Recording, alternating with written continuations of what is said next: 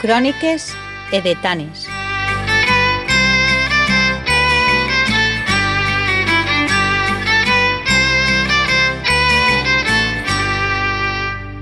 Encetem aquest programa 40 de Cròniques edetanes amb Encarni Garcia Contreras al violí elèctric interpretant Dansa dels oficis de Llíria, versió 2024 realitzada pels músics José Ángel Jiménez amb la col·laboració de l'edetana Encarni Garcia Contreras i que serà la nova sintonia d'aquest podcast. Un ball amb segles d'història i molt desconegut actualment, adaptat magistralment als nostres dies amb pretensions de reviscolar-lo. Dansa dels oficis de Llíria és el nom que es dona a una dansada molt antiga de la capital del Camp de Túria i que es ballava popularment per festes, interpretada històricament amb tabalet i dolçaina com a instruments, marcant així diferents ritmes i melodies. El cronista edetà Josep Duran aporta documentació de que ja a principis del segle XVI s'interpretava amb molt d'èxit, mantenint la popularitat fins al 1909, data on comença pràcticament a desaparèixer. Als passats anys 70, el grup de música de Saó la va recuperar enregistrant-la al seu disc La Perereta el 1979 i a les acaballes del segle XX el grup de danses i rondalla al Tossal va reprendre-la amb el ritme original i el ball. Es ballava formant parelles que representaven distints oficis, per això el seu títol. Cadascuna de les persones que dansava portava en la mà els instruments de treball característics de la seva feina. Ferrer, corretxer, obrer de vila, esquilador, barber, ratxoler, fuster, cuider, manyà, sabater, calderer, sarier, mestre d'aixa i llanterner són tots els gremis representats al ball. Amb aquestes paraules esteu escoltant de fons la versió de Saó. Després vindrà la capçalera Pèl i aquesta vegada la música pura de la nova sintonia de cròniques sedetanes.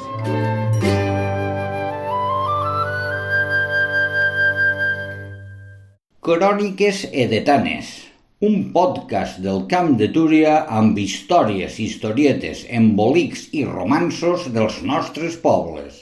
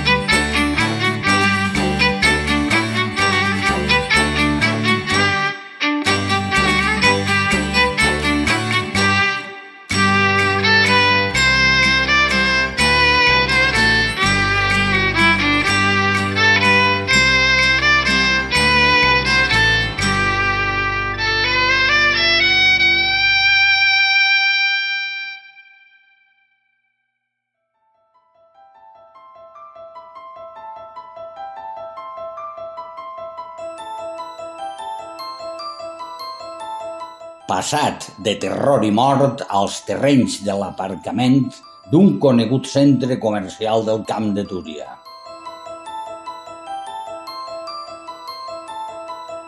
Cròniques edetanes. Amb la participació d'Alfons Cervera, Joan Belloc, Carme Cardona i la narració històrica d'Enric Llopis.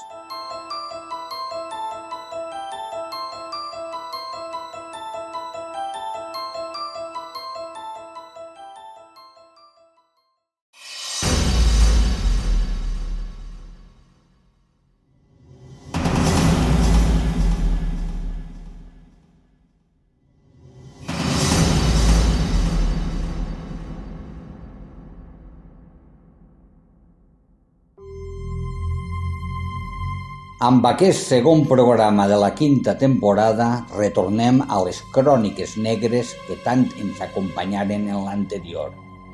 I narrem uns fets dramàtics amb una connexió macabra. Tots varen ocórrer al mateix punt geogràfic de la Baibona, separat entre ells per poquets metres de diferència. Una partida municipal originalment pertanyent a Benaguasil, posteriorment a la Pobla i actualment majoritàriament a l'Eliana. Des de principis del segle XV als mapes consta ja com a Capiró de Xueu, nom que a poc a poc va anar diluint-se i des de fa un fum d'anys mantenen la denominació amb la qual han arribat avui en dia. El Barranquet per als poblans i Secà de Blanes per als elianers encara que la majoria de gent del Camp de Túria i adjacents ja sols l'anomenem pel nom del centre comercial que des de fa quasi 30 anys està fregant l'autovia Gíria-València. Un 24 d'agost de 1994 el varen inaugurar i on avui en dia està el seu enorme aparcament central trobem un passat aterridor i sinistre. Poc abans d'iniciar-se les obres i la parcel·la encara estava verge, aparegué l'home mort que ens conta Alfons Cervera. 300 anys abans, el dramàtic descobriment del cadàver de Valera Almeller, que narra Carme Cardona. A finals del segle XIV, la persecució física dels jueus de la Baibona podria ser l'origen de la denominació de la partida i que s'ensenyala Joan Belloc per a entrellaçar les dues històries anteriors. És momentia que els protagonistes comencen a piular. Tenen la paraula Alfons, Joan, Enric i Carme, així com també el malson, espant i amoïnament que visqueren les terres del Capiró de Xueu, hui cobertes d'asfalt.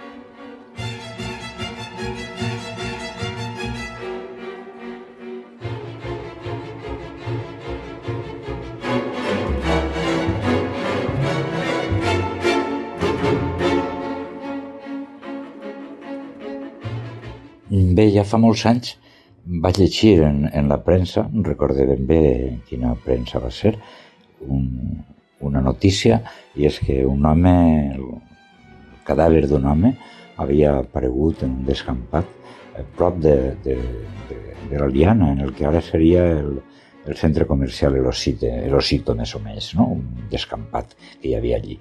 I hi havia dues circumstàncies eh, estranyes, una sobretot, i és que el personatge li havien amputat els, els genitals, no? I, i l'altra circumstància també novedosa era, sobretot per a algú que se dedica a inventar històries, era la, la, la figura d'un gos que no parava de fer voltes al voltant del cos. No, no recorde si el, el, la premsa deia no? si este gos era el de l'home o era un gos perdut per allí pel descampat. No? Bé, el cas és que aquell succés jo no vaig investigar ja res, li vaig perdre la pista a si s'havia investigat o no, i eh, policialment em referís, no? i el que vaig fer és, temps després, no? pues, inventar-me una, una història al voltant d'este fet, no? un home mort en un descampat eh, sense genitals i un gos no? fent voltes al voltant del cos. I, i bé, i, en estos personatges i en aquesta situació vaig construir, vaig escriure la memòria fa, ja fa molts anys, no recordo tampoc quants anys, quants anys fa. No, no és una novel·la d'investigació, no és una novel·la, una novel·la policial, no, no, no vaig investigar absolutament res sobre el, sobre el succés. No? És una novel·la de personatges i de paisatges eh, de personatges perquè resultaven curiosos, no? Qui era el personatge mort? Mm, pues m'ho invente. I sobretot eh, la figura d'un policia eh, si hi ha un mort o d'haver un policia que, que investigue, però la veritat és que en aquesta ficció que és la memort mm, ni tan sols podria assegurar que fora policia, que investigara, no? perquè eh, així entra en xoc l'altre personatge important, no? Que és el, el gos, no? que és que el testimoni de debò, el que sap que és el que ha passat, és el gos. Per, per tant, el gos i el policia crec recordar que sí que tenen aquesta relació, diguem-ne, de veure que el gos li conta al policia què és el que ha, el que ha, ha passat. I sobretot, eh, un tercer personatge al costat del policia i del gos, ah, i evidentment al costat de l'home mort, no? un quart personatge, és el paisatge. En les meves novel·les eh, que parlen de la memòria democràtica, sempre el paisatge és fonamental. Els xicotets pobles de la meva comarca de la Serrania o de qualsevol comarca que tinga xicotets com els meus, no? i l'altre paisatge que és la muntanya, no? Mm, la natura. Però en este cas, del, en el cas de l'home mort, no, el paisatge canvia, però és també fonamental en la història, no? I és este eh, paisatge dels polígons industrials, freds, sense personalitat, no? I se converteix, com dic, en el, en el quart personatge fonamental en, en l'home mort. No? Bé, la, la curiositat, i, i, i per això la meva intervenció en el podcast avui, és que eh, la, la similitud no, que n'hi ha entre el que esteu contant, una dona que ja fa segles apareix eh, morta en el mateix indret que, que apareix l'home mort, no? eh, i, decapitada. A l'home mort li faltaven els testículs i el, el, a, la, a la dona morta li, li, li faltava el cap, que després troben en un lloc eh, allullat del, del lloc on van descobrir el cadàver. No? Per a mi l'important eh, és la curiositat d'esta coincidència, no? perquè si se n'adoneu, la, eh, sembla mm, que la, esta coincidència d'una novel·la que inventa i un fet històric que no està inventat, que està documentat, coincideixen en una diferència de segles. Per tant, jo crec que aquesta coincidència és fruit o sembla més cosa de la ficció que de la pròpia, de la pròpia realitat. És una cosa que m'ha sorprès molt i per això pues, m'agrada, no? Contar el que he contat sobre la, sobre la meva novel·la a partir de conèixer el fet que una dona va ser trobada en el mateix lloc i decapitada molts segles abans.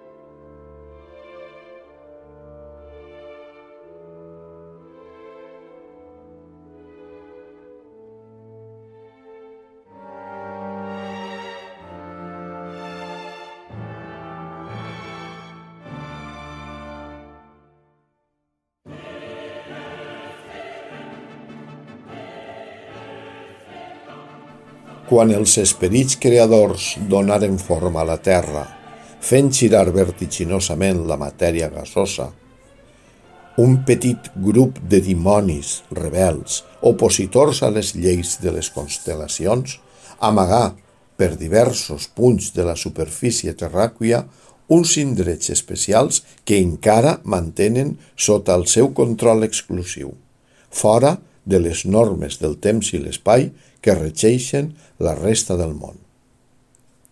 Els sofrits éssers humans hem anat descobrint i reconeixent aquests punts màgics a partir de doloroses experiències que individualment o en col·lectiu hem patit al llarg del temps.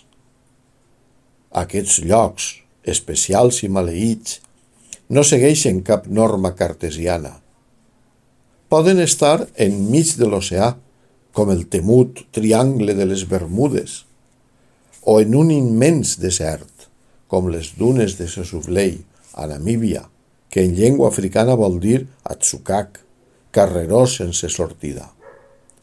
Poden estar amagats dins de la terra, com les coves de Waltormo, a Nova Zelanda, anomenades també les coves de les lluernes, pels resplendors nocturns que provoquen unes cuques. O l'ull prismàtic de Yellowstone, un llac vermell d'on ixen unes petites criatures termòfiles, verdoses i ataronjades. Però el que no hauríem sospitat mai és que també en terres sedetanes, enmig de la Vallbona, deixaren els esperits diabòlics un d'aquests llocs sinistres i malèfics. Però on? Justament davall de l'asfalt del pàrquing d'un gran centre comercial. Ja a l'edat mitjana, aquest lloc s'anomenava el Capiró de Xueu. Ves a saber quin horrible crim degué ocórrer enmig d'aquesta partida. Però és evident que el lloc necessita sang humana.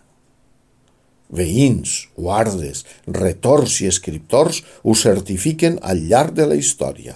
És un lloc maleït. Nosaltres hem pogut constatar l'espantós crim ocorregut així en 1684, on el dissortat cos de Navalera al Meller va ser cruelment esquarterat i repartit entre la Pobla i la Liana, igual que el centre comercial.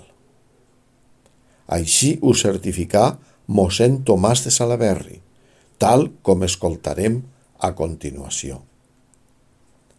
Però la terra del capiró de Xueu està assedegada de sang humana i molts altres crims han tingut lloc en aquest maleït punt, que assenyalaren les forces malèfiques des de la creació de la terra. Ja hem vist com l'escriptor Alfons Cervera va ser testimoni i narrador d'un altre fet espaventable que tornà a succeir així ara fa prop de 50 anys. El cos d'un pobre mortal va ser també trossejat i escampat pels termes. Poc després, unes empreses capitalistes, tot amagant els horribles fets esmentats, soterraren en asfalt aquesta terra que no es veu mai cessiada de sang. I li canviaren el nom, tot fent desaparèixer el capiró de Xueu, el qual dorm ara sota les rodes dels cotxes, i sota les ofertes setmanals de dos per un. Però l'estigma diabòlic que xau sota l'asfalt no s'esborra per tan poca cosa. Està viu, alena, i en qualsevol moment, xac, pot tornar a seccionar la gola d'una innocent compradora de cap de setmana o pot capolar les parts nobles d'un confiat repartidor de refrescos en ple estiu, com li passà a la pobra Valera o al pobre Xueu o al desconegut home mort dels anys 70. Desconfieu, humans. Ja coneixem tres víctimes consecutives. Aquí immolaran pròximament els malignes esperits del capiró de Xueu. Seràs tu?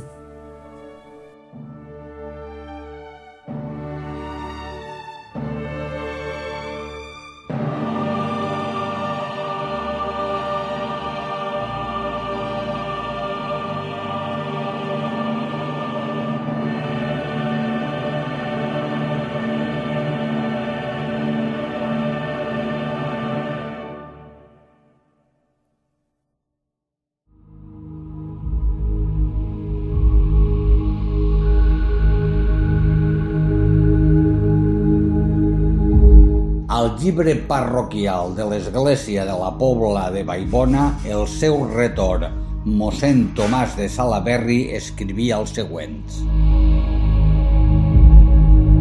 A 2 de setembre 1684 es trobà un cos difunt i destrossat, sense cap, en el terme de la present vila de la Pobla de Baibona, en la partida que anomenem Capiró de Llueu. I és d'advertir així mateix que en la carrasca que està enfront de la Liana, al costat de la creu, es trobà un cap el dia 28 d'agost del present any.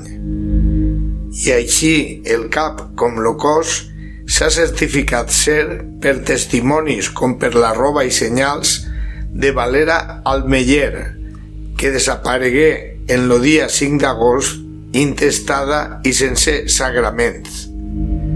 Decretar lo senyor oficial per la sua ànima vint lliures que, segons notícia, li havia llegat lo seu marit Ximeno Rodríguez de Benaguasil per a descans de la sua ànima i nomenar per testamentari Jaume Agost, fill seu. Fou soterrada al fossar parroquial a 3 de setembre al costat de la creu. Recollit al llibre de Joan Belloc i Vicent Rubió, l'Eliana, del pare Carranza a la desamortització de Mendizábal, 2023, d'editorial Vinatea.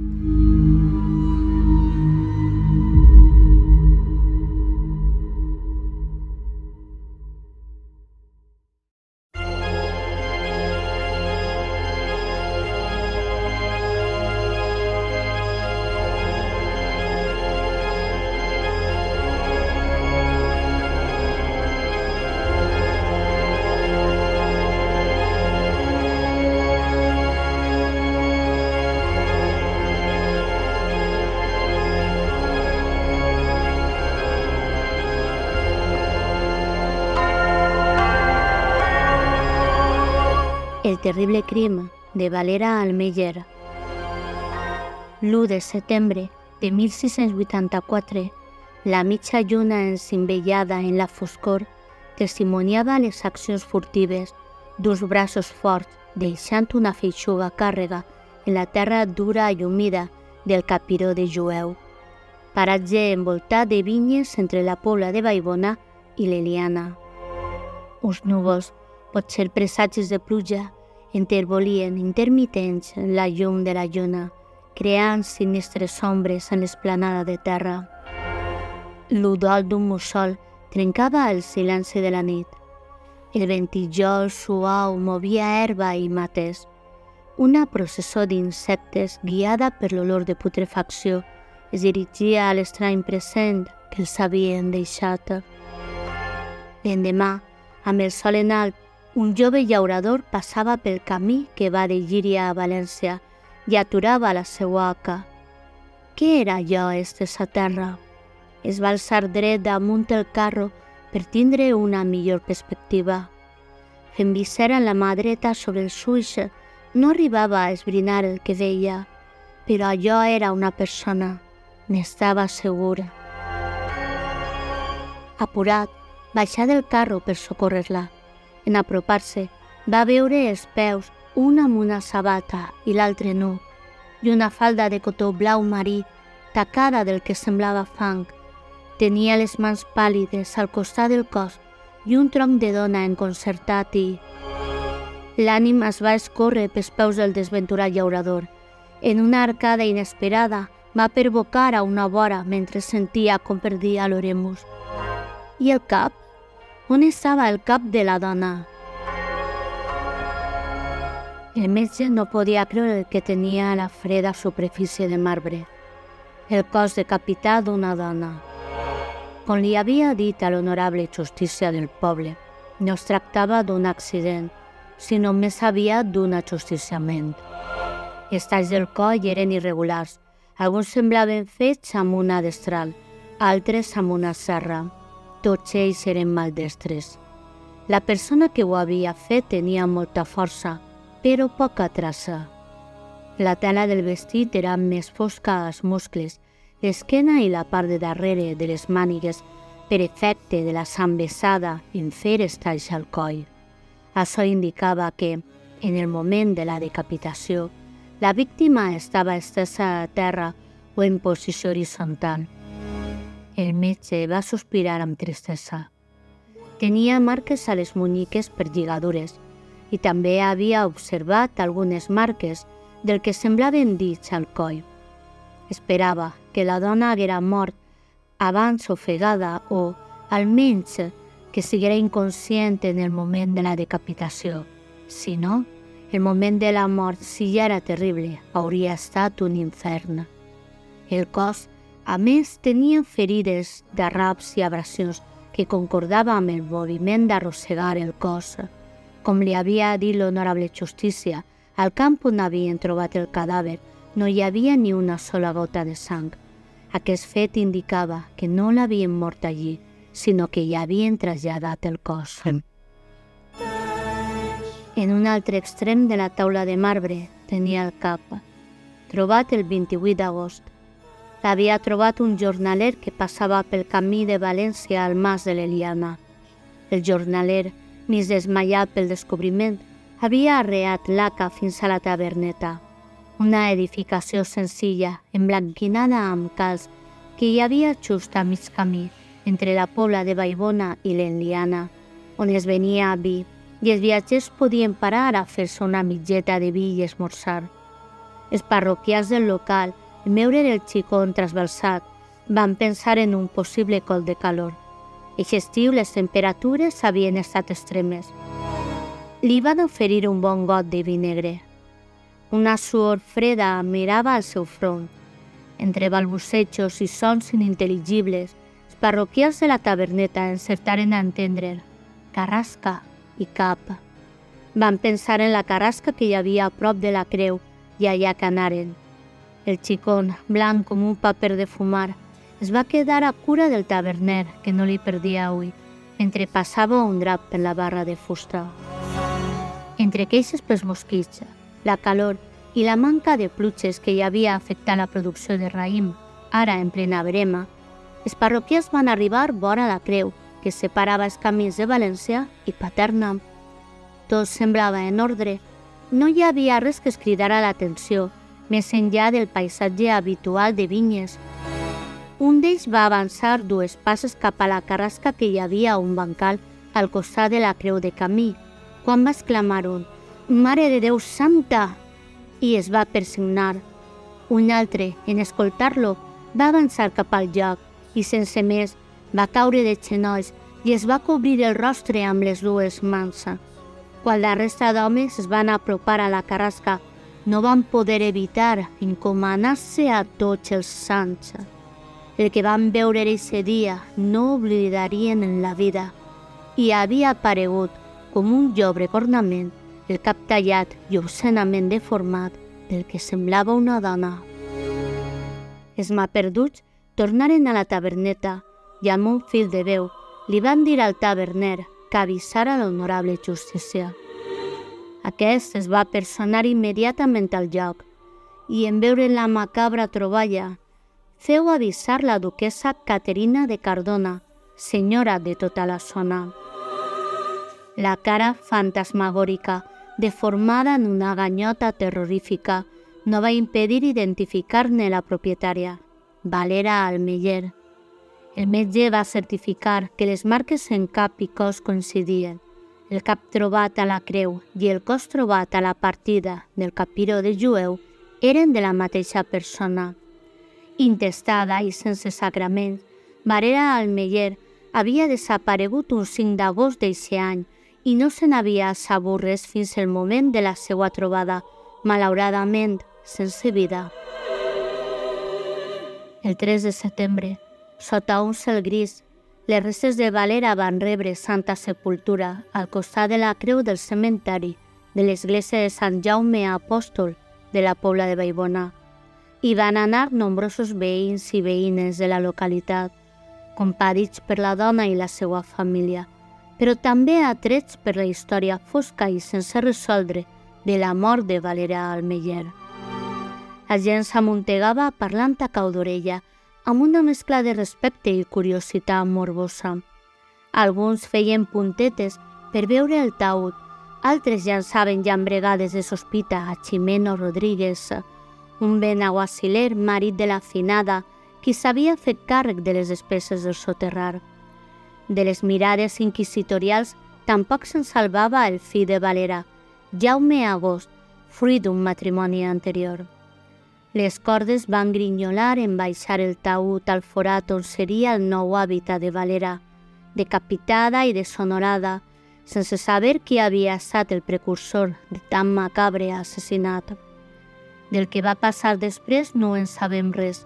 La desaparició d'una dona, la deixada obscena del cap a la creu, un assassinat brutal sense resoldre, la bestialitat apunta a un crim per venjança, mogut per tèrbols motius personals. Això, però, roman ocult en el misteri del temps. Aquest, però, no va ser l'únic crim. Aquest paratge va ser l'escenari d'un altre crim esgarrifós. Pot ser per casualitat, pot ser perquè aquesta zona del Túria atrau forces malàfiques.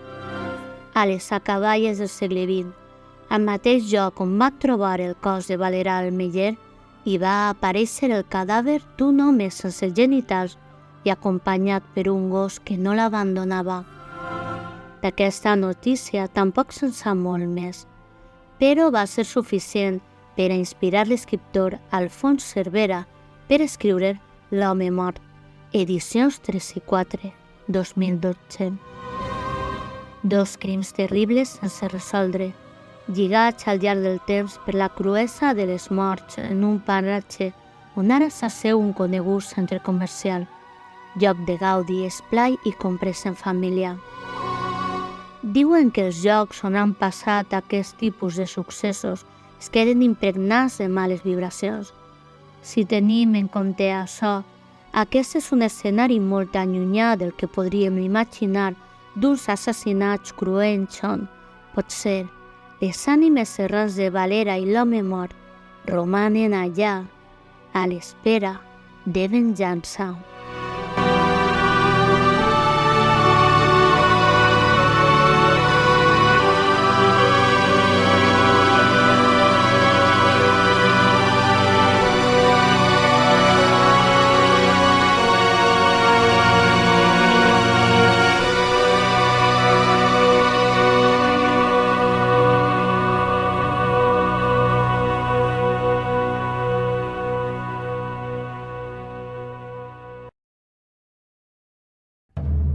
I fins així un nou podcast.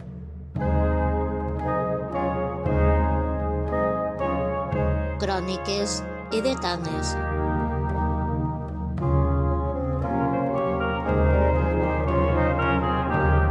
El podcast del Camp de Túria.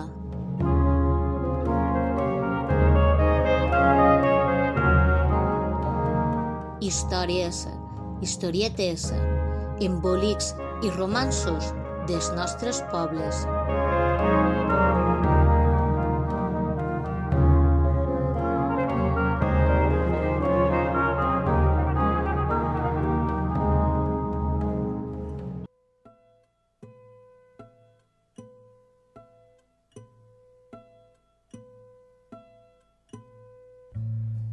No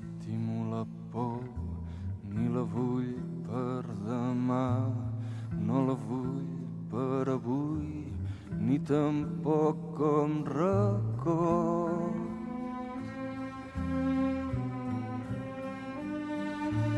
Que m'agrada el somrís d'un infant vora el mar i els seus ulls com un ram d'il·lusions esclatant.